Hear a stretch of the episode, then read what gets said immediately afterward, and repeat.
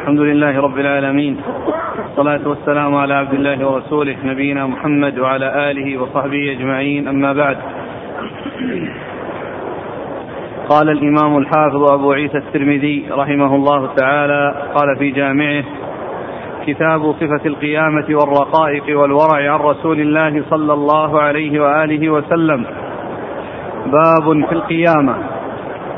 قال حدثنا هناد قال حدثنا أبو معاوية عن الأعمش عن خيثمة عن عدي بن حاتم رضي الله عنه أنه قال قال رسول الله صلى الله عليه وعلى آله وسلم ما منكم من رجل إلا سيكلمه ربه يوم القيامة وليس بينه وبينه ترجمان وينظر أيمن منه فلا يرى شيئا إلا شيئا قدمه.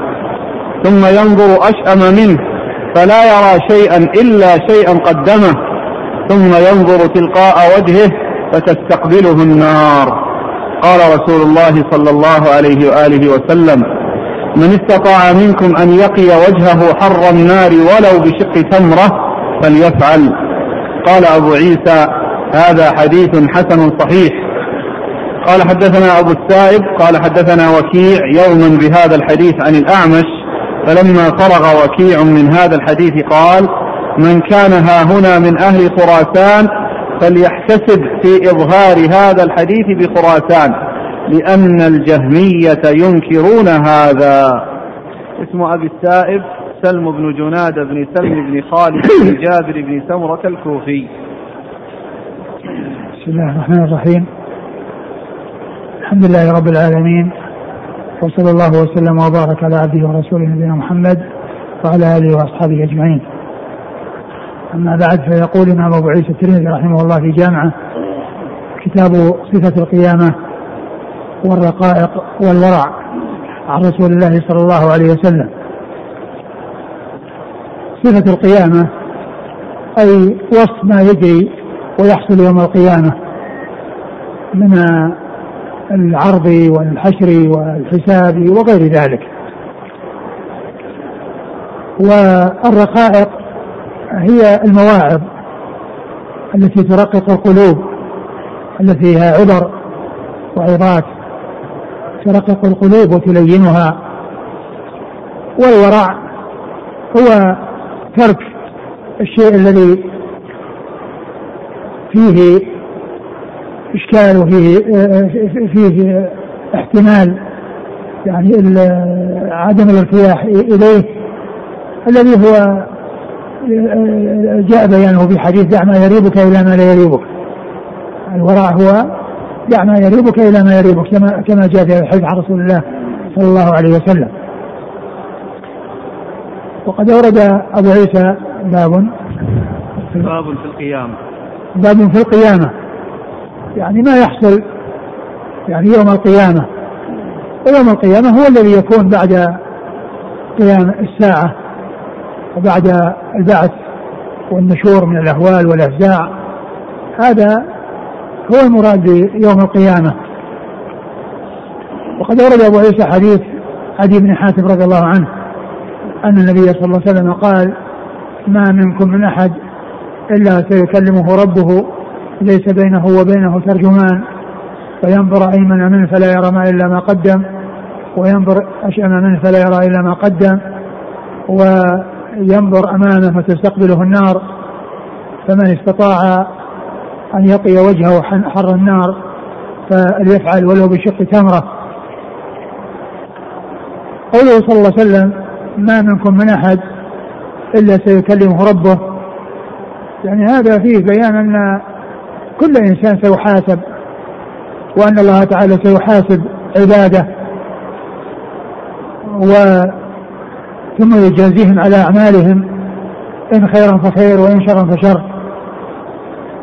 والله عز وجل قال قال عز وجل إن إلينا إيابهم ثم إن علينا حسابهم. فهو سبحانه وتعالى يحاسب العباد ولا يكون بينه وبين عبده الذي يحاسبه واسطة بل هو يحاسبه ويكلمه ربه ويقول له فعلت كذا وفعلت كذا.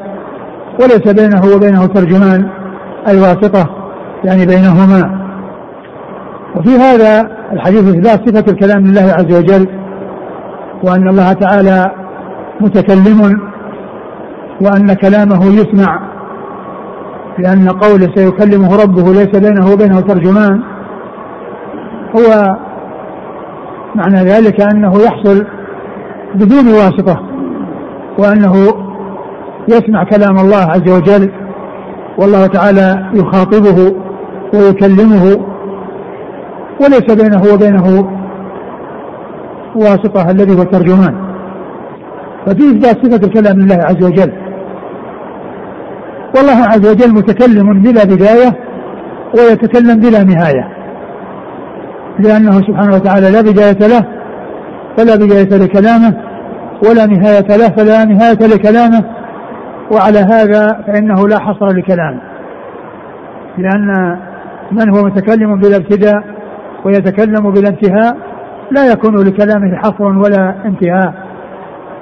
ولهذا جاء في القرآن الكريم آيتان تدلان على أن كلام الله عز وجل لا ينحصر وأن البحور الزاخرة لو كانت مدادا يكتب به كلام الله لنفدت البحور مع سعتها وكثرة وكثرتها واتساعها لأنها محصورة.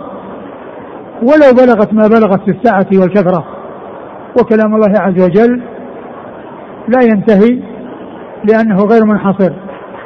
لأن المتكلم به لا بداية له والمتك... ولا نهاية له فلا بداية لكلامه ولا نهاية لكلامه. والذي له بداية وله نهاية هو الذي لكلامه نهاية وحصر.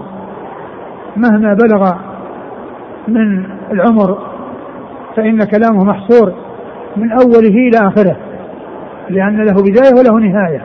وأما الله عز وجل فإنه لا بداية له ولا بداية لكلامه ولا نهاية له ولا نهاية لكلامه فلا حصر لكلامه. وهاتان الآيتان هما قول الله عز وجل في آخر سورة الكهف قل لو كان البحر مدادا لكلمات ربي لنفد البحر قبل أن تنفد كلمات ربي ولو جئنا بمثله مددا.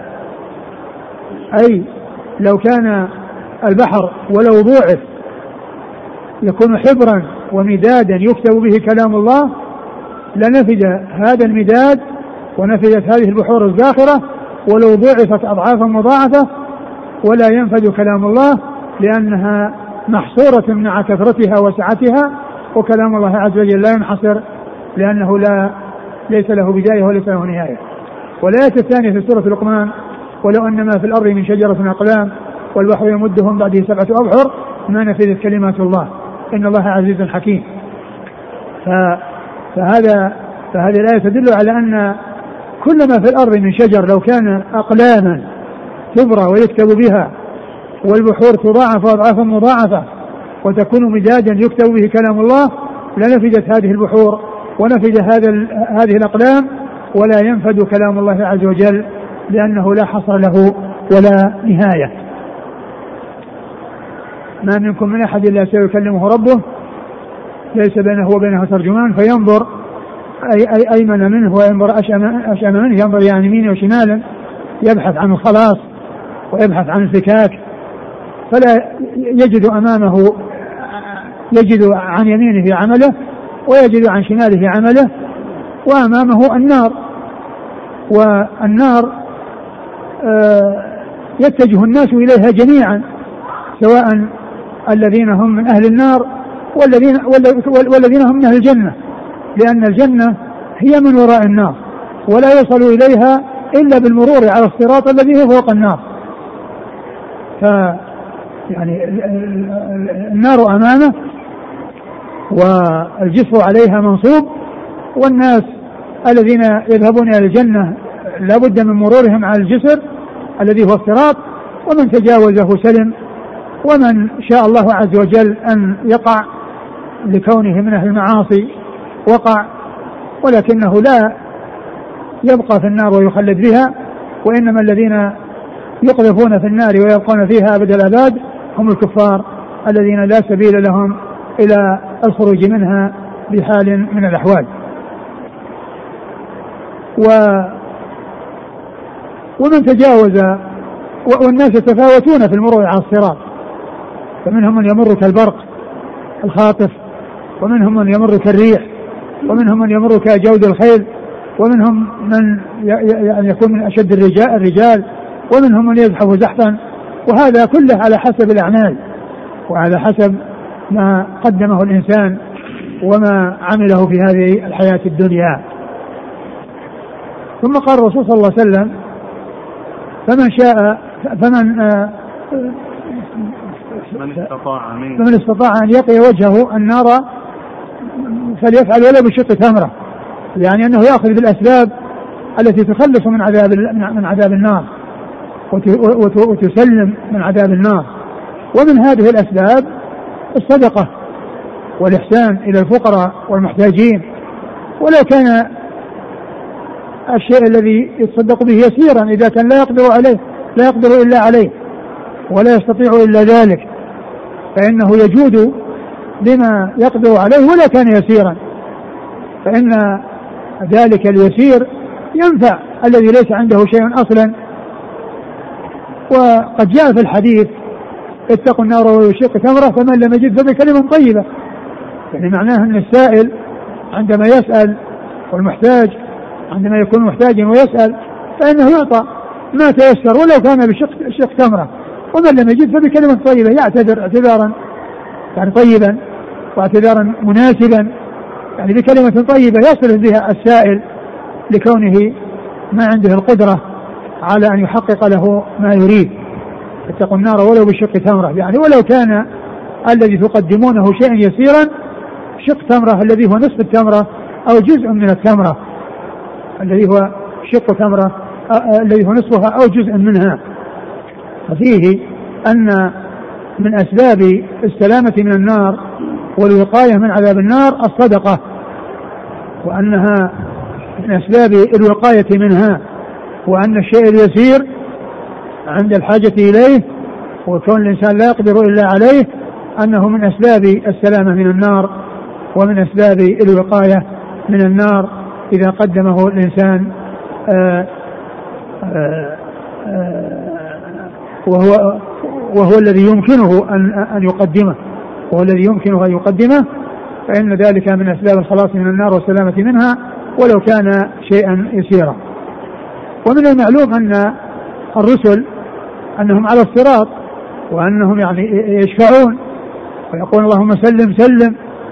وهذا فيه دليل على أن من استحق النار يشفع له في عدم دخولها لأن قول اللهم سلم سلم إنما هو لمن استحق النار يدخلها فيحصل له بهذه الشفاعة ألا يدخلها. هذا من أنواع الشفاعة وهو الشفاعة لمن استحق النار ألا يدخل النار. ودليله هذا هذا الحديث الذي ورد في قول الرسل اللهم سلم سلم. يعني هذه شفاعة ودعاء في السلامة من الولوج في النار والوقوع في النار. عندما يمرون على الصراط في طريقهم إلى الجنة فإن من شاء الله عز وجل أن يقع وقع.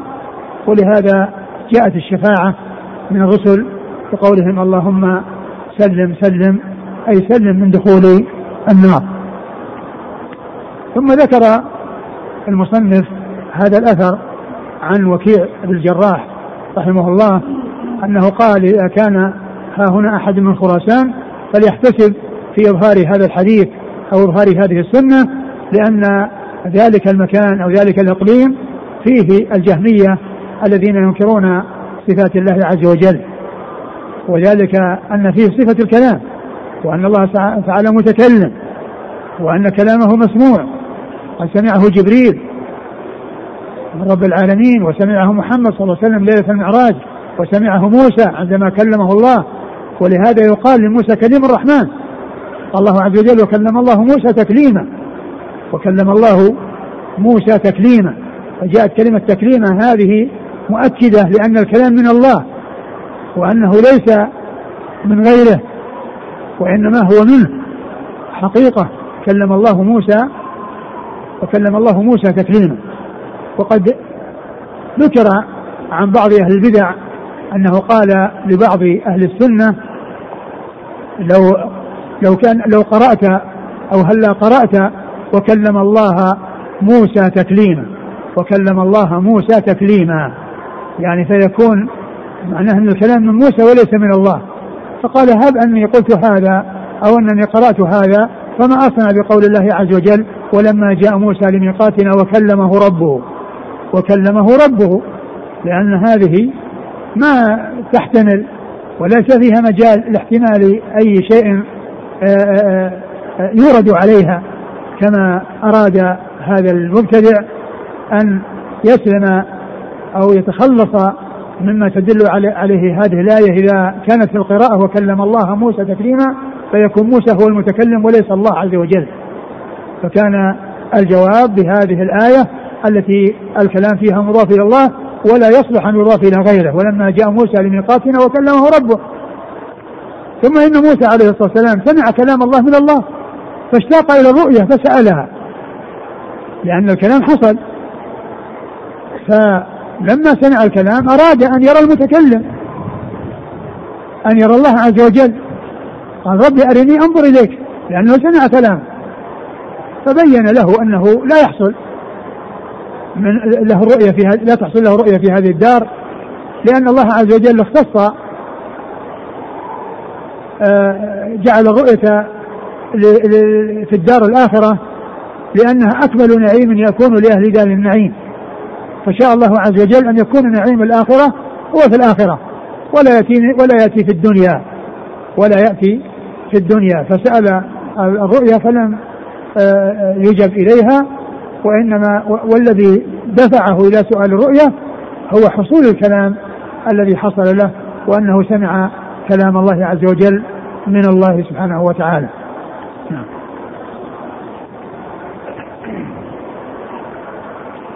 قال حدثنا هناد وهذا الأثر فيه يعني بيان أن المكان الذي تكثر فيه البدع وتشتهر فيه البدع أن على من وفقه الله عز وجل أن يظهر السنن وأن ينشر السنن في الأماكن التي تنتشر فيها البدع حتى آه، يؤخذ بالسنن وتترك البدع. حتى يؤخذ بالسنن وتترك البدع نعم.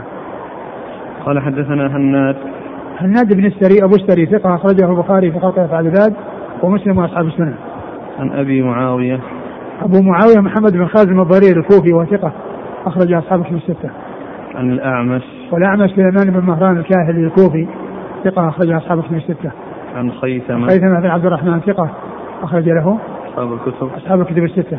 عن عدي بن حاتم عدي بن حاتم رضي الله عنه أخرجه أصحاب الكتب الستة. قال حدثنا أبو السائب أبو السائب وهو سلم بن جنادة وهو ثقة ربما خالف رجل الترمذي وابن ماجه نعم عن وكيع نعم. وهو الجراح الرعاسي الكوفي ثقة أخرجه أصحاب كتب الستة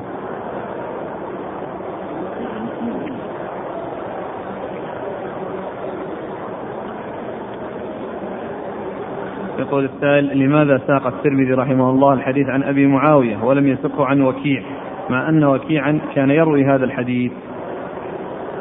آه، كما هو معلوم آه، أبو معاوية آه، هو من من من من أكثر رواية عن الأعمش ومكثر من الرواية عنه وكل منهما ثقة و ولعل الترمذي ساقه على لفظ أبي معاوية لأنه لو ساقه على لفظ على لفظ على لفظ الوكيع ثم ذكر يعني أثر وكيع يعني معناه أنه ذكره من طريق واحد فهو ذكر الحديث من طريق أبي معاوية ثم ذكر الطريق الذي فيه وكيع لهذه الفائدة التي هي آه الأثر الذي آه جاء عنه وهو الأثر المقطوع وهو الحث حث من كان موجودا من أهل خراسان على أن ينشر هذه السنة في خراسان لأن في ذلك نشرا للسنن في المكان الذي ظهرت فيه البدع. قال الشارح رحمه الله في قوله ما منكم من رجل قال الخطاب للمؤمنين هل هذا خاص بهم ولا يحصل هذا الكلام لغيرهم؟ ما منكم من أحد إلا سيكلمه ربه. يعني آه، قضية الكلام يعني هل في أقوال ثلاثة لأهل العلم في مسألة الكلام هل الله يكلم؟ من الذي يكلمه الله عز وجل يوم القيامة؟ فمن فمن أهل العلم من قال إنه يكلم إن الكلام إنما هو للمؤمنين دون المنافقين ودون الكفار. ومنهم من يقول إنه للمؤمنين والمنافقين. ومنهم من يقول إنه للجميع أنه يكون للجميع. ومن المعلوم أن المنافقين والكفار هم من أهل النار وهم من المخلدين فيها أبد الآباد. والكلام إذا حصل لهم وحصل من الله عز وجل لهم فهو من آه، الكلام الذي لا الذي فيه تبكيت وتقريع لهم. كما قال الله عز وجل لأهل النار اخسأوا فيها ولا تكلمون. اخسأوا فيها ولا تكلمون. ولهذا جاء في بعض الأحاديث نفي الكلام أو بعض الناس أنه لا يكلمهم الله يوم القيامة ولا يزكيهم. يعني بعض المتصفين بصفات مذمومة. مع أنه جاء في القرآن أن الله تعالى قال اخسأوا فيها ولا تكلمون. والجواب أن أن القيامة لها أحوال ففي بعضها يتكلمون وفي بعضها لا يتكلمون وفي بعضها يكلمهم الله عز وجل وفي بعضها لا يكلمهم. نعم. يقول كيف الجمع بين هذا الحديث وبين حديث النبي صلى الله عليه وسلم يدخلون الجنة سبعون ألفا بغير حساب ولا عذاب؟ وهذا الحديث فيه أنه سيكلم كل إنسان ويحاسب. معلوم أن أن المحاسبة من هو موفق إنما هو مجرد العرض كما جاء في الحديث عن عائشة أن الرسول صلى الله عليه وسلم قال من من نوقش الحساب عذب من نوقش الحساب عذب. قالت آه أليس الله عز وجل يقول فحسبوا حسابا يسيرا؟ قال ذلك العرض ومن نوقش الحساب عذب. يعني أنه يعرض على الله عز وجل والله تعالى آه، يعفو عنه ويتجاوز والذي يحاسبه الله على كل نعمة أنعم بها عليه ولا يتجاوز عن شيء فإنه لا بد أن يحصل له العذاب. لأن الإنسان لا يمكن أن يقوم بالوفاء والقيام بشكر نعم الله عز وجل التي أنعم بها عليه في صحته وعافيته وسمعه وبصره وقدرته وفي جميع أحواله فعفو الله عز وجل وتجاوزه وتسامحه هو الذي يجعل الإنسان يسلم من العذاب لأنه لم يناقش ولكنه لو نوقش لحصل له العذاب. فإذا الذين آه لا يعذبهم الله عز وجل إنما هو مجرد العرض. نعم. هل ثبت أن الله سبحانه وتعالى يكلم الخلق بلغة بعينها وينطقهم بها؟ ما نعلم شيء يدل على هذا. لا أعلم دليل يدل على هذا. قال حدثنا حميد بن مسعدة قال حدثنا حسين بن نمير قال عن قال حدثنا حسين بن نمير أبو محصن قال حدثنا حسين بن قيس الرحبي قال حدثنا عطاء بن أبي رباح عن ابن عمر عن ابن مسعود رضي الله عنهم عن النبي صلى الله عليه وعلى آله وسلم أنه قال لا تزول قدم ابن آدم يوم القيامة من عند ربه حتى يسأل عن خمس عن عمره فيما أفناه وعن شبابه فيما أبلاه وماله من أين اكتسبه وفيما أنفقه وماذا عمل فيما علم. قال أبو عيسى هذا حديث غريب لا نعرفه من حديث ابن مسعود عن النبي صلى الله عليه وسلم إلا من حديث الحسين بن قيس. وحسين بن قيس يضعف في الحديث من قبل حفظه. وفي الباب عن أبي برزة وأبي سعيد رضي الله عنهما. ثم روي أبو عيسى حديث آه عبد الله بن مسعود رضي الله تعالى عنه أن النبي صلى الله عليه وسلم قال لا تزول قدم عبد من عند ربه. حتى يسأل عن خمس. يعني لا تزول قدماه يعني يعني عند الحساب يعني في وقت الحساب حتى يسأل عن هذه الأمور. وهو مثل الذي قبله من ناحية أن أنه, أنه كل سيكلمه ربه وليس بينه وبين ترجمان فهذا آه، يعرض على الله عز وجل ولا تزول قدمه وتنتقل من ذلك الموقف الذي هو عند الله للحساب والعرض عليه سبحانه وتعالى إلا وقد سئل عن هذه الخمس. عن عمره فيما فيما أفناه. عن عمره يعني مدة حياته.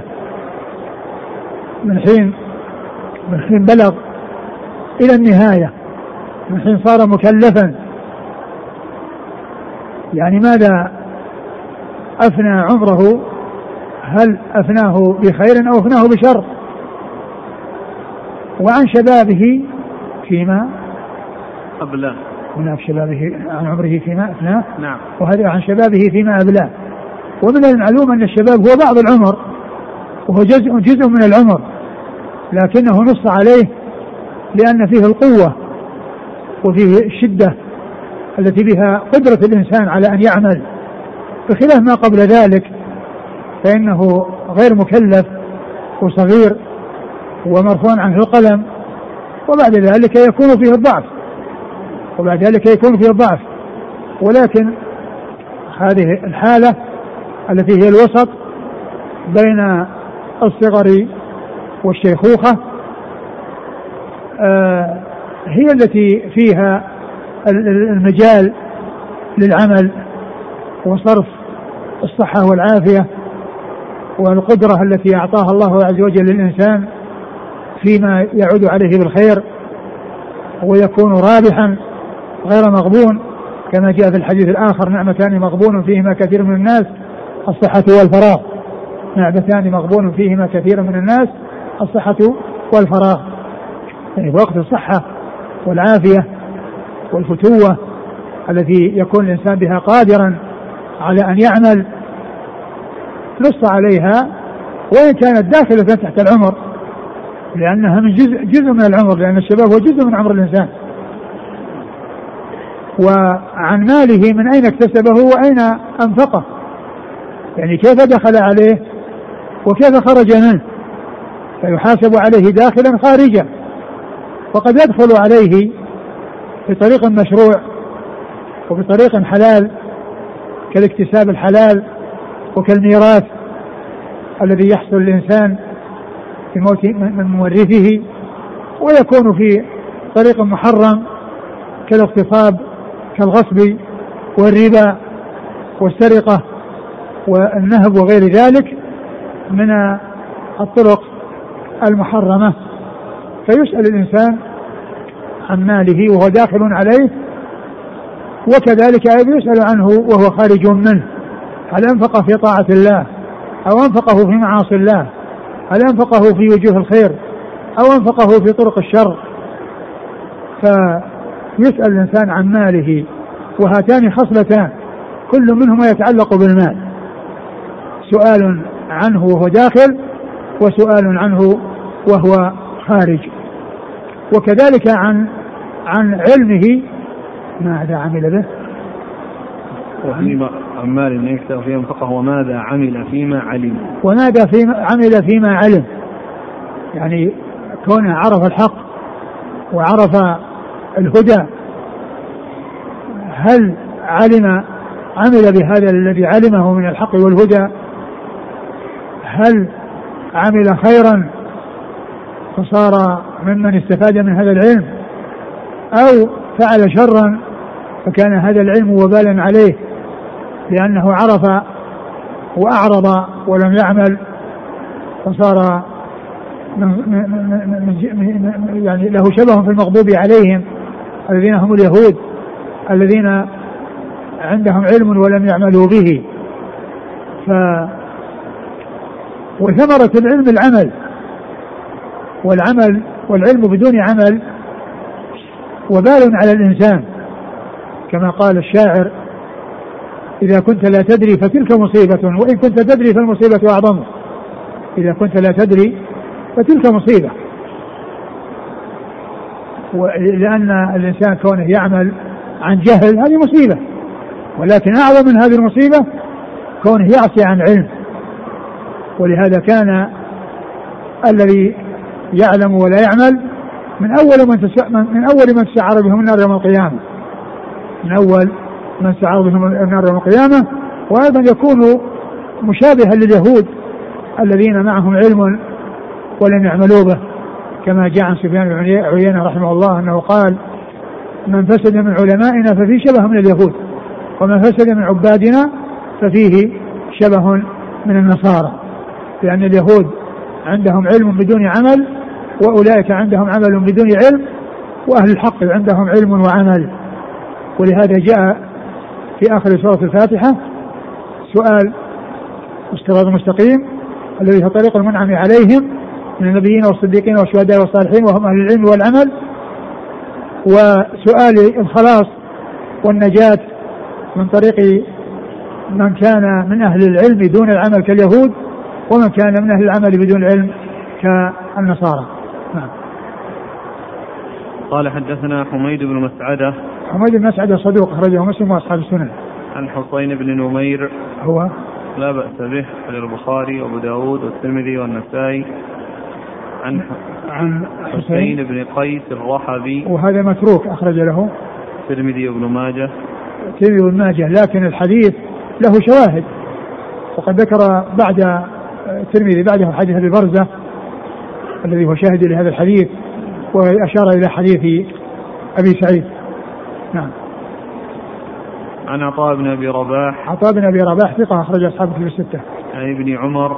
ابن عمر عبد الله بن عمر رضي الله عنهما أحد العبادله الأربعة وأحد السبعة المكثرين من حديث رسول الله صلى الله عليه وسلم.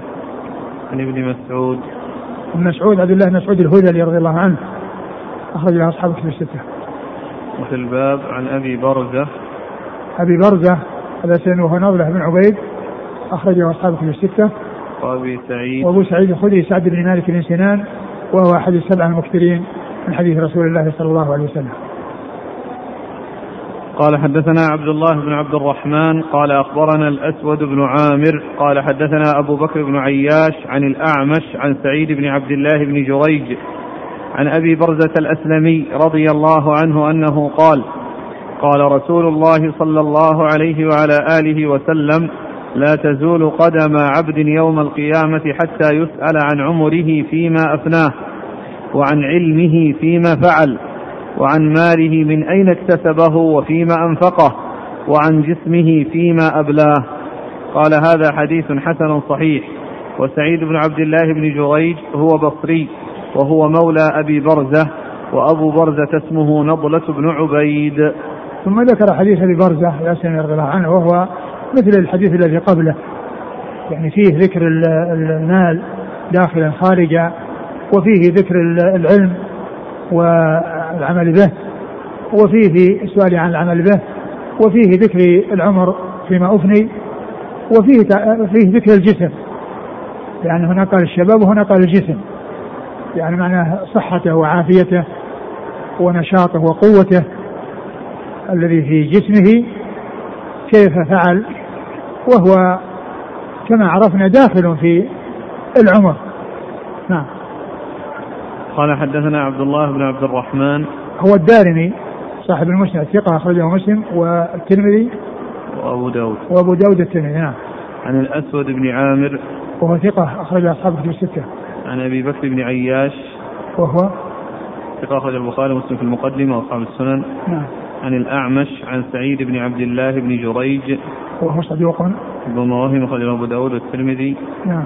عن أبي برزة الأسلمي. وهو صحابي أخرج أصحاب الكتب الستة.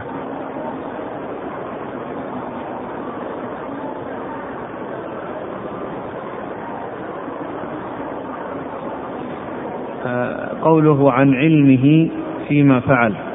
هل يدخل فيه عدم نشر العلم الذي يعلمه؟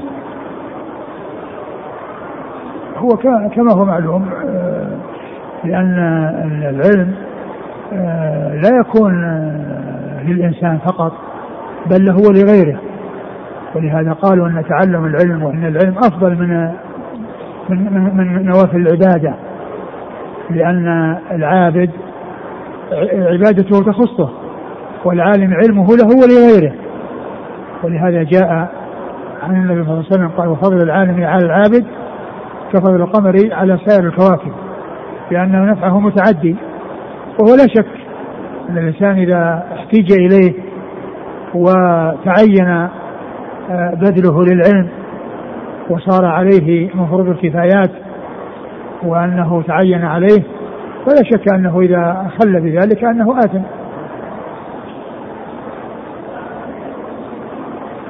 قال رحمه الله تعالى باب ما جاء في شأن الحساب والقصاص.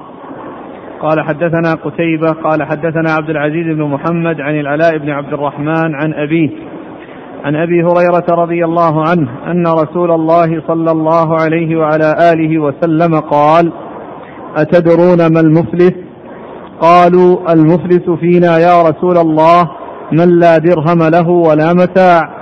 قال رسول الله صلى الله عليه وعلى آله وسلم المفلس من أمتي من يأتي يوم القيامة بصلاته وصيامه وزكاته ويأتي قد شتم هذا وقذف هذا وأكل مال هذا وسفك دم هذا وضرب هذا فيقعد فيقعد فيقتص هذا, فيقتص هذا من حسناته وهذا من حسناته.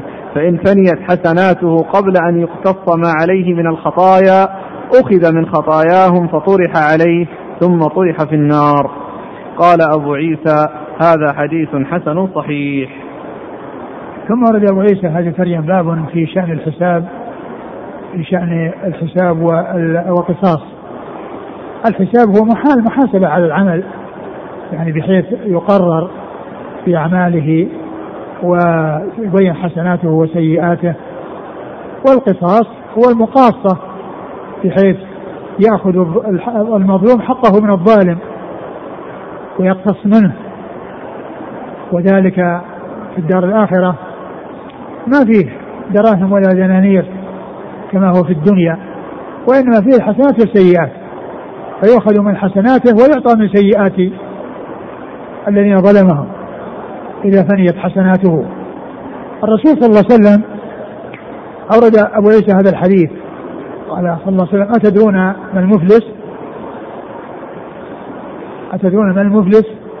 أي الذي هو متصف بالإفلاس والذي ليس عنده شيء من الربح أو رأس المال. فالرسول صلى الله عليه وسلم سأل المفلس وكان يريد مفلس الآخرة. وهم فهموا مفلس الدنيا فأجابوا بأنه من لا درهم عنده ولا متاع. من لا درهم عنده التي هي الأثمان التي يشترى بها والمتاع الذي هو المثمنات التي يتوصل إليها بالأثمان. فهو إما آه، ثمن وإما مثمن. فالمثمن هو المتاع والثمن هو الدرهم. قالوا من لا درهم عنده ولا متاع. يعني الذي ليس عنده أثمان وليس عنده مثمنات لا هذا ولا هذا. وهذا هو مفلس الدنيا. وهو مفلس. ولكن المقصود أو الذي أراده النبي صلى الله عليه وسلم مفلس مفلس حقا. لأن مفلس الآخر مفلس الدنيا يمكن أن يتغير حاله من الإفلاس إلى الغنى. ويتبدل. الغني يفلس والمفلس يحصل له الغنى وتتغير الحال. وأما بالنسبة للآخرة فالمفلس هو المفلس. المفلس فيها هو المفلس.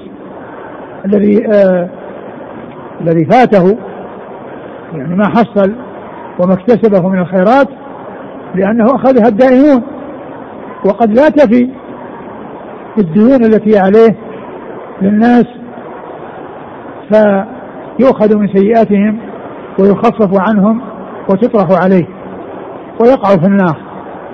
ولا يعني ذلك أنه يكون خالدا مخلدا فيها لأن من كان من أهل الإيمان ولو ذهبت حسناته ولم يبقى عنده أي حسنة فإنه إذا دخل النار لا بد أن يخرج منها ولا بد وأن يدخل الجنة ولا يبقى في النار أبد الآباد إلا الكفار الذين هم أهلها. قال عليه الصلاة والسلام المفلس أي المفلس حقا. وهذا مثل قوله صلى الله عليه وسلم المسلم من سلم المسلمون من لسانه ويده. يعني المسلم حقا. وإلا فإن المسلم الذي دون ذلك آه وإن حصل أن المسلمون ما سلموا من لسانه ويده وهو من جملة المسلمين وهو مسلم. ولكن الكمال وعلو المنزلة الذي هو الكمال أو المسلم حقا هذا هو الذي سلم المسلمون من لسانه ويده. وهنا المفلس حقا هو هذا وإن كان الذي في الدنيا يقال مفلس إلا أن هذا الإفلاس ليس شيئا عند إفلاس الآخرة. ومفلس الدنيا ليس بشيء عند مفلس الآخرة لأن مفلس الدنيا في أمل أن يعني يتغير إفلاسه وأما ذاك انتهى لأن ما عنده إلا الحسنات والسيئات ولا عنده إلا الذي قدم وليس عنده إلا الذي قدم. قال عليه الصلاة المفلس من يأتي من أمتي. المقصود الأمة أمة الإجابة ليس أمة الدعوة. لأن آه، آه، أمة الدعوة الذين هم آه، الجن والإنس جميعا كلهم مدعوون للدخول في الإسلام والإيمان بالله وشهادة أن لا إله إلا الله وشهادة أن محمد رسول الله عليه الصلاة والسلام. هؤلاء كلهم مدعوون. ومعلوم أن الكفار ليس لهم إلا النار ولكنهم متفاوتون في النار. بعضهم أسوأ من بعض وبعضهم أشد عذابا من بعض وهم دركات في النار بعضهم أسفل من بعض. كما أن المؤمنين في الجنة درجات بعضهم أعلى من بعض. وذلك أن الكفر يتفاوت فيه. من كفره لا يتعداه إلى غيره وفيه من كفره يتعداه إلى غيره بأن يدعو غيره إلى الكفر ويحصل منه الإيذاء والبطش والصد عن سبيل الله فيكون أسوأ حالا من الذي كفر ولم يصد عن سبيل الله. ولهذا قال الله عز وجل الذين كفروا وصدوا عن سبيل الله زدناهم عذابا فوق العذاب بما كانوا يفسدون. الذين كفروا وصدوا عن سبيل الله زدناهم عذابا فوق العذاب بما كانوا يفسدون. ف فهم يتفاوتون في النار. ولكن المراد آه، الأمة همة الدعوة وهم الذين دخلوا في الإسلام وعندهم الإيمان وعندهم الحسنات والسيئات فهؤلاء هم الذين آه، آه، حسناتهم معتبرة ويقاصون ويتحصل المقاصة فيها بخلاف الكفار فإنه وجد وإن وجد لهم حسنات وأمور حسنة كالبر والصلة وغيرها إلا أنها غير مقبولة عند الله ومردودة. وكما قال الله عز وجل وقدمنا إلى ما عملوا من عمل فجعلناه هباء منثورا. لا عبرة بما يحصل منهم من البر والإحسان والعطف على الفقراء والمساكين لأنه ما حصل أن أن بنيت هذه الأعمال على شهادة أن لا إله إلا الله وشهادة أن محمد رسول الله صلى الله عليه وسلم. فإذا الأمة هنا أمة الإجابة. وأمة الإجابة هم الذين دخلوا في الدين. وهم الذين تعتبر لهم الحسنات. وأما الكفار فإنها لا تعتبر لهم حسنات بل هي كما قال الله عز وجل وقدمنا إلى ما عملوا من عمل فجعلناه هذا مثلا المفلس من يأتي بصيام بصلاته وصيامه وقيامه وزكاته. ويأتي وقد شتم هذا وسفك دم هذا وأكل مال هذا وضرب هذا فيعطى هذا من حسناته وهذا من حسناته. أي الدائنون المظلومون الذين ظلمهم يأخذون من حسناته لأن ما فيه مقاصة في الحسنات. فإن تنيت الحسنات قبل أن تنتهي الديون التي عليه للناس وكذا من سيئاتهم وطرح عليه وطرحت عليه ثم طرح في النار. والعياذ بالله. فهذا هو المفلس حقا. وهذا مثل مثل ما جاء في الحديث.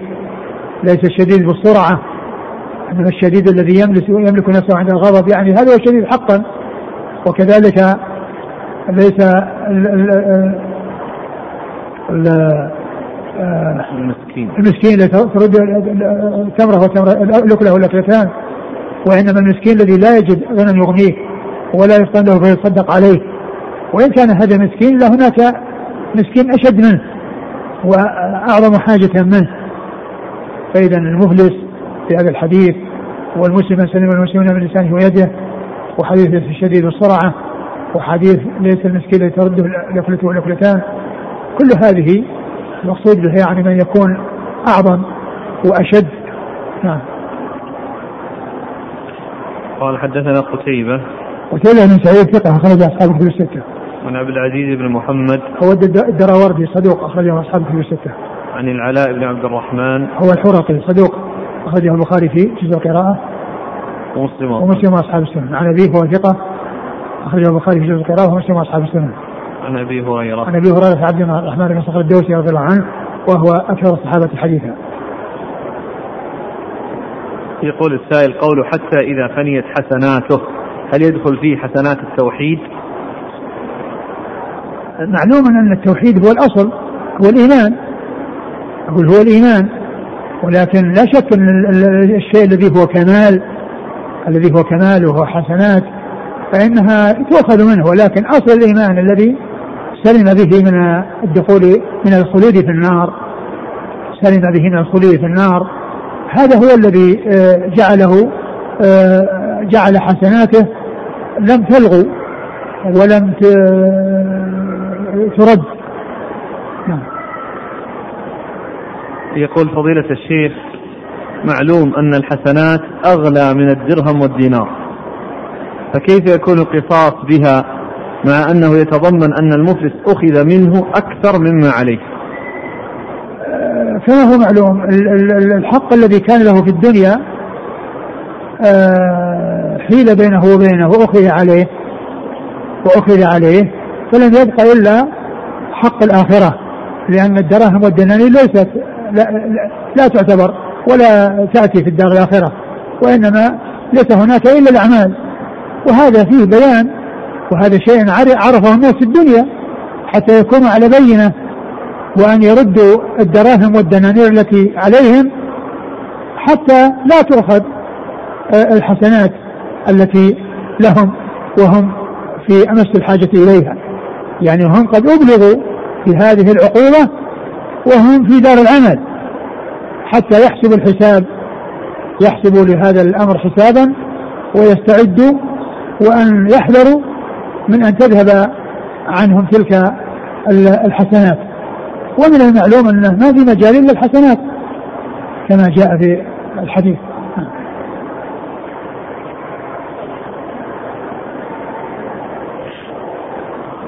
قال حدثنا هناد ونصر بن عبد الرحمن الكوفي قال حدثنا المحاربي عن أبي خالد يزيد بن عبد الرحمن عن زيد بن أبي أنيسة عن سعيد المقبوري عن أبي هريرة رضي الله عنه أنه قال قال رسول الله صلى الله عليه وعلى آله وسلم رحم الله عبدا كانت لأخيه عنده مظلمة في عرض أو مال فجاءه فاستحله قبل أن يؤخذ وليس ثم دينار ولا درهم فإن كانت له حسنات أخذ من حسناته وإن لم تكن له حسنات حملوه عليه من سيئاتهم. قال أبو عيسى هذا حديث حسن صحيح غريب من حديث سعيد المقبوري وقد رواه مالك بن أنس عن سعيد المقبوري عن أبي هريرة رضي الله عنه عن النبي صلى الله عليه وسلم نحوه. فمر حديث أبي هريرة رضي الله عنه ومثل الذي قبله إلا أن فيه بيان أن الموفق هو الذي إذا صار يعني عليه مظلمة أو صار يعني آه، آه، صار لغيره حق عليه يعني من عرض أو مال جاء إليه وطلب منه المسامحة فإنه يحصل آه، السلامة من تبعة ذلك الذنب الذي قد حصل تحصل السلامة في الدنيا لأن صاحب الحق سمح لأنه في الحياة الدنيا في مجال لأن يسمح وأما في الدار الآخرة ما في مسامحة يفر المرء من أخيه وأمه وأبيه. كل يتمنى أن يكون آه، آه، له عند غيره شيء يجده في ذلك الموقف العظيم الموقف العصيب. ف ف آه، من طريق الخلاص في الدنيا أن الإنسان يتوب ومن توبته أنه يطلب المسامحة إذا كان الأمر يتعلق بعرض وبكلام وبغيبة. وأما إذا كان يتعلق بمال كذلك أيضا يرده أو إلا أن يسامح فيه فإنه إذا سمح في ذلك فإنها فإنه يسلم من تبعة ذلك. وإذا لم تحصل المسامحة فإنه يرد.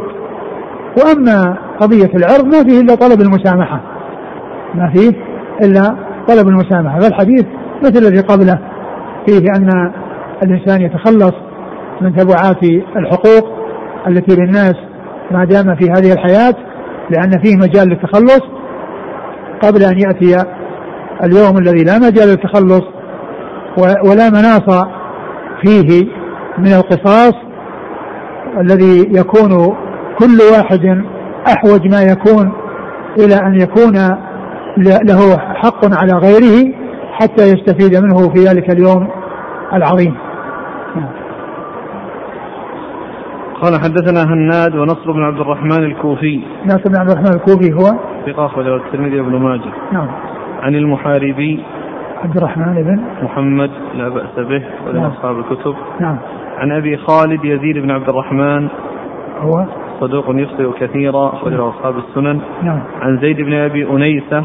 وهو ثقة أخرج أصحاب الكتب الستة. عن سعيد المقبري. وهو ثقة أخرج أصحاب الكتب الستة. عن أبي هريرة. نعم. قال وقد رواه مالك بن أنس. مالك بن أنس إمام دار الهجرة المحدث الفقيه أخرجه أصحاب الكتب الستة. يقول السائل هل القصاص يكون قبل الصراط أم في القنطرة قبل دخول الجنة؟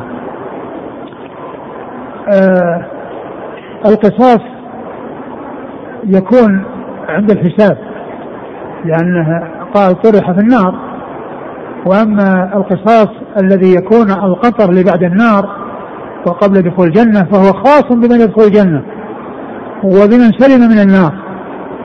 ويكون نتيجة القصاص هو التفاوت في الدرجات في الجنة. ليس نتيجة أنه يقع في النار لأن هناك اختصاص في موضعين مرة عند الحساب وهو الذي جاء في حديث المفلس. هذا لأن يؤخذ يؤخذ من حسناته ويطرح عليه من سيئات غيره ويقذف في النار.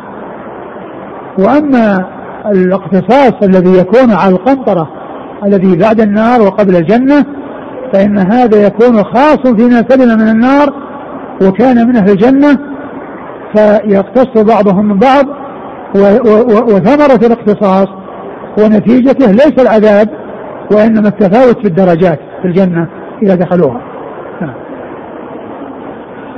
قال حدثنا قتيبة قال حدثنا عبد العزيز بن محمد عن العلاء بن عبد الرحمن عن أبيه عن أبي هريرة رضي الله عنه أن رسول الله صلى الله عليه وعلى آله وسلم قال لتؤدن الحقوق إلى أهلها حتى يقاد للشاة لتؤدن الحقوق؟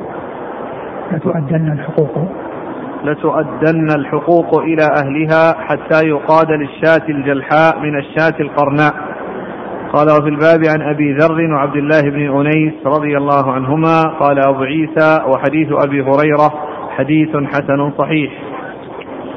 آه ثم أورد حديث أبي هريرة لتؤدن الحقوق إلى أهلها.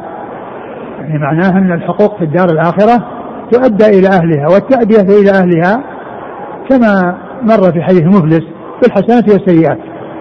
التأدية هناك إنما هي بالحسنات والسيئات. والقصاص ولهذا قال حتى يقاد للشاة القرنة من الشاة الجلحة من الشاة القرناء. ويعني معنى ذلك أن المقاصة تكون في الدار الآخرة للآدميين وغيرهم. ولكن الآدميين يترتب عليها ثواب وعقاب. وأما آه، غيرهم فإنما هو عدل واقتصاص آه، ولكن لا يترتب عليه آه، ما يترتب أو ما يحصل للمكلفين الذين هم إما في عذاب وإما في نعيم. يعني ذلك الموقف يقتص فيه من المكلفين وغير المكلفين. والمكلفون اختصاصهم يترتب عليه ثواب عقاب وأما غير المكلفين فإنه لا يترتب عليه ثواب العقاب الذي يكون في دخول الجنة أو دخول النار. نعم. قال حدثنا قتيبة عن عبد العزيز محمد عن العلاء بن عبد الرحمن عن أبيه عن أبي هريرة. وهذا الإسناد مر بتمامه قال وفي الباب عن أبي ذر. أبو ذر جندب بن جنادة رضي الله عنه أخرج له أصحابه في الستة. وعبد الله بن أنيس. أخرج له. خالد المفرد ومسلم وأصحاب السنة. نعم. قال حدثنا سويد بن نصر قال أخبرنا ابن المبارك قال أخبرنا عبد الرحمن بن يزيد بن جابر قال حدثني سليم بن عامر قال حدثنا المقداد رضي الله عنه صاحب رسول الله صلى الله عليه وعلى آله وسلم أنه قال سمعت رسول الله صلى الله عليه وعلى آله وسلم يقول إذا كان يوم القيامة أدنيت الشمس من العباد حتى تكون قيد ميل أو اثنين. قال سليم لا أدري أي الميلين عنا أمسافة الأرض أم الميل الذي تكتحل به العين. قال فتصهرهم الشمس فيكونون في العرق بقدر أعمالهم. فمنهم من يأخذه إلى عقبيه ومنهم من يأخذه إلى ركبتيه ومنهم من يأخذه إلى حقويه ومنهم من يلجمه إلجاما. فرأيت رسول الله صلى الله عليه وسلم يشير بيده إلى فيه. أي يلجمه إلجاما. قال أبو عيسى هذا حديث حسن صحيح وفي الباب عن أبي سعيد وابن عمر رضي الله عنهم. ثم أرد أبو عيسى هذا الحديث عن النبي عليه الصلاة والسلام أنه قال إذا كان يوم القيامة أدنيت الشمس. إذا كان يوم القيامة أدنيت الشمس حتى تكون على قدر ميل أو ميلين. والميل يحتمل أن يكون المقصود به الميل اللي هو مسافة اللي هي مسافة من الأرض وأن يكون ميل المكحلة الذي هو يعني يوضع فيها ثم ما علق به من الكحل يوضع على العين وهو شيء صغير جدا. والمتبادر أن المقصود به الميل الذي هو ميل المساحة الذي هو مقدار معين من الأذرع ف, ف وهو الذي يبين تبين به المساحات والمسافات. بخلاف ميل العين فإنه لا تبين فيه هذه الأشياء. فمحتمل هذا ومحتمل هذا ولكن ذاك هو الأقرب الذي هو ميل الذي هو ميل المسافة. ثم إنهم يتفاوتون في إصابتهم وتأثرهم بحر الشمس وعلى ذلك على قدر الأعمال. فمنهم من يكون إلى كعبيه العرق الذي يخرج من جسمه ومنهم من يكون إلى ركبتيه ومنهم من يكون إلى حقويه. إلى حقوه وهو الذي يعني يكون معقد الإزار ومنهم من يلجمه العرق يعني يصل إلى فمه فيكون مثل اللجام الذي يكون في فم الدابة. ف يعني يكون م م م واصلا إلى إلى هذه إلى هذه الحال. التي هي كونه آه، يدخل في فمه ويلجمه العرق فيكون لصاحبه كاللجام الذي يوضع في فم الفرس. والنبي صلى الله عليه وسلم أشار إلى فمه يعني مبينا الإلجام وأنه يلجمه يعني معناه أنه يكون في فمه بين فكيه كما هو الشأن في حال الفرس. التي آه، أو الدابة التي تلجم ويكون اللجام في فمها. و آه، الله عز وجل على كل شيء قدير. يعني يصل إلى يكون هذا آه هذا بجوار هذا وعرقه إلى إلى آه عقبيه أو إلى كعبيه وهذا إلى ركبتيه وهذا كذا. وكل على حسب أعماله.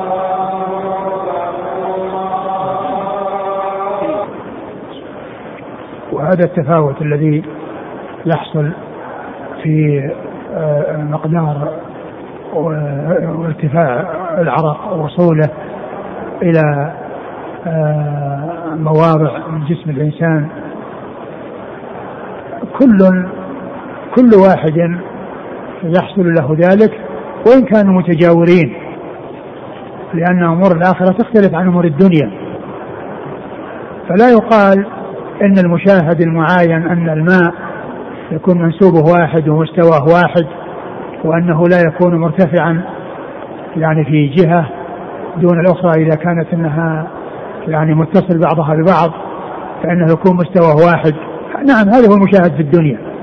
وأما بالنسبة للآخرة فان فإنه يجب الإيمان بأن هذا يصل إلى عرقه إلى كعبيه وهذا بجواره يصل إلى ركبتيه وهذا بجواره يصل إلى حقوه وهذا بجواره يصل إلى إلى إلى إلى فمه.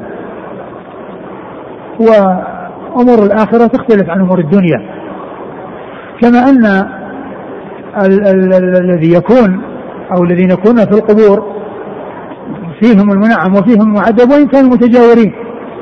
والمنعم لا يدري عن نعيم الذي عن عذاب الذي بجواره والمعذب لا يدري عن نعيم الذي بجواره وهما بعضهم أحدهما بجوار الآخر. لأن هذه أمور غيبية يجب الإيمان بها والتصديق. والله عز وجل على كل شيء قدير. ولا تقاس هذه الأمور على ما هو مشاهد ومعاين في هذه الحياة. نعم كم أقرأ الحديث؟ كمل الحديث آخر. فرأيت صلى الله عليه وسلم يشير بيده إلى فيه أي يلجمه إلجاما. نعم. قال حدثنا سويد بن نصر. هو ثقة أخرج له. الترمذي والنسائي. عن عبد الله بن مبارك ثقة أخرج أصحابه في الستة. عبد الرحمن بن يزيد بن جابر. وهو ثقة أخرج أصحابه في الستة. عن سليم بن عامر. هو ثقة أخرج البخاري في المفرد ومسلم وأصحاب السنة. نعم. عن المقداد. المقداد بن الأسود رضي الله عنه أخرج أصحابه في الستة. قال وفي الباب عن أبي سعيد وابن عمر. نعم مر ذكرهما. قال حدثنا أبو زكريا يحيى بن درست البصري قال حدثنا حماد بن زيد عن أيوب عن نافع عن ابن عمر رضي الله عنهما قال حماد وهو عندنا مرفوع. يوم يقوم يوم يقوم الناس لرب العالمين قال يقومون في الرشح إلى أنصاف آذانهم. قال أبو عيسى هذا حديث حسن صحيح.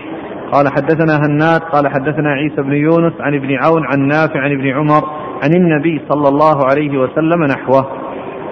آه ثم ورد هذا الحديث عن عن ابن عمر. عن ابن عمر رضي الله عنهما في قول الله عز وجل يوم يقوم الناس لرب العالمين قال يقومون في الرشح إلى أنصاف آذانهم يعني عندما يقومون لله عز وجل في الدار الآخرة.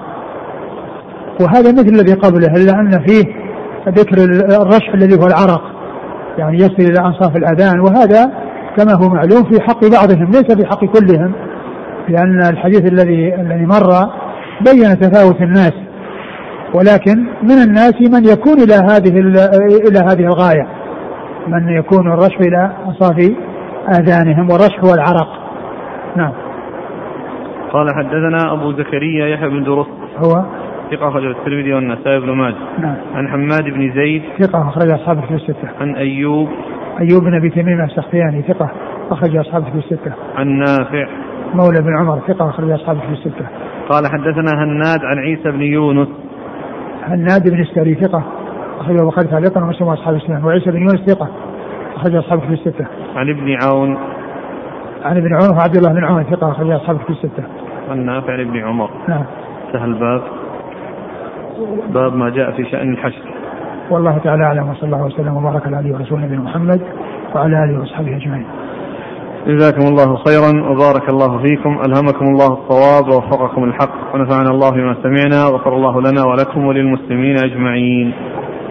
يقول السائل ما معنى كلمة العرض التي مرت في حديث المفلس؟ يعني العرض يعني يتعلق بالنيل يعني من الكلام فيه غيبة. أو يعني يتعلق بقذف أو ما إلى ذلك لأن هذا كله يدخل تحت العرض يقول السائل هل يكون أذى العرق يوم القيامة خاصا في الإلجام أم كذلك بالرائحة؟ الله أعلم.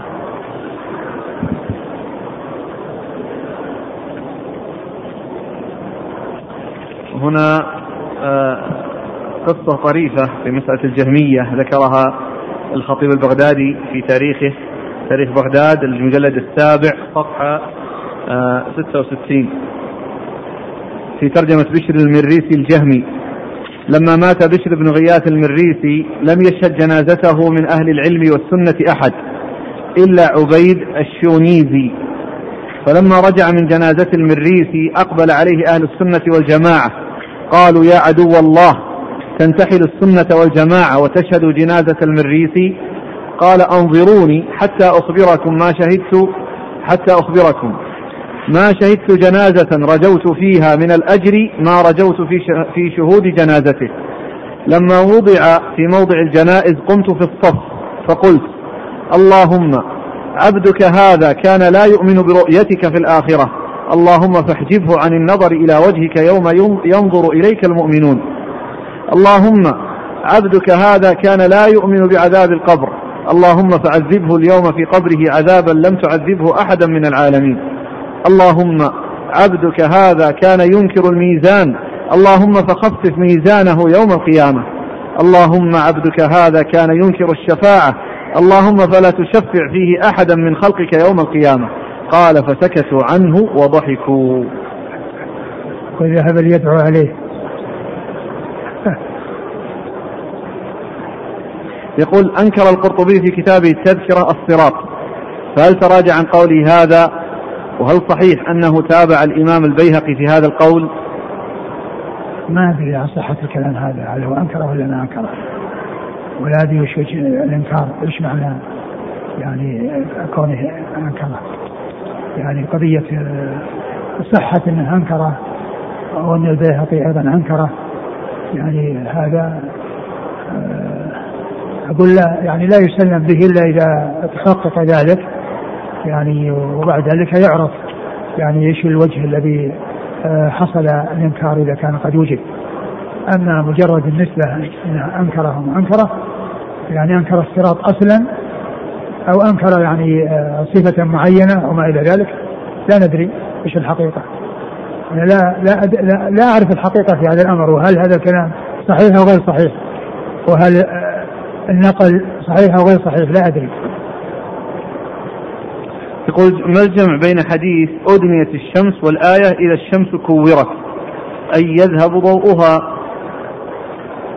معلوم أن أن هذا يعني هذا في حال وهذا في حال. نعم. القصاص الذي في القنطرة يكون من أي شيء؟ ظاهر الحديث أن الإنسان لا يخلص من الحساب الأول حتى يقضى ما عليه. فماذا يبقى للقصاص الأخير؟ يبقى القصاص الأخير تفاوت الدرجات لأنهم كلهم تجاوزوا النار فلا يقعون فيها. وهذا القصاص فائدته أن من له حق يعني يكون عنده زيادة والذي عليه حق يكون عنده نقص فيتفاوتون في الدرجات. وكلهم من أهل الجنة. جزاكم الله خيرا. سبحانك اللهم وبحمدك أشهد أن لا إله إلا أنت أستغفرك وأتوب إليك.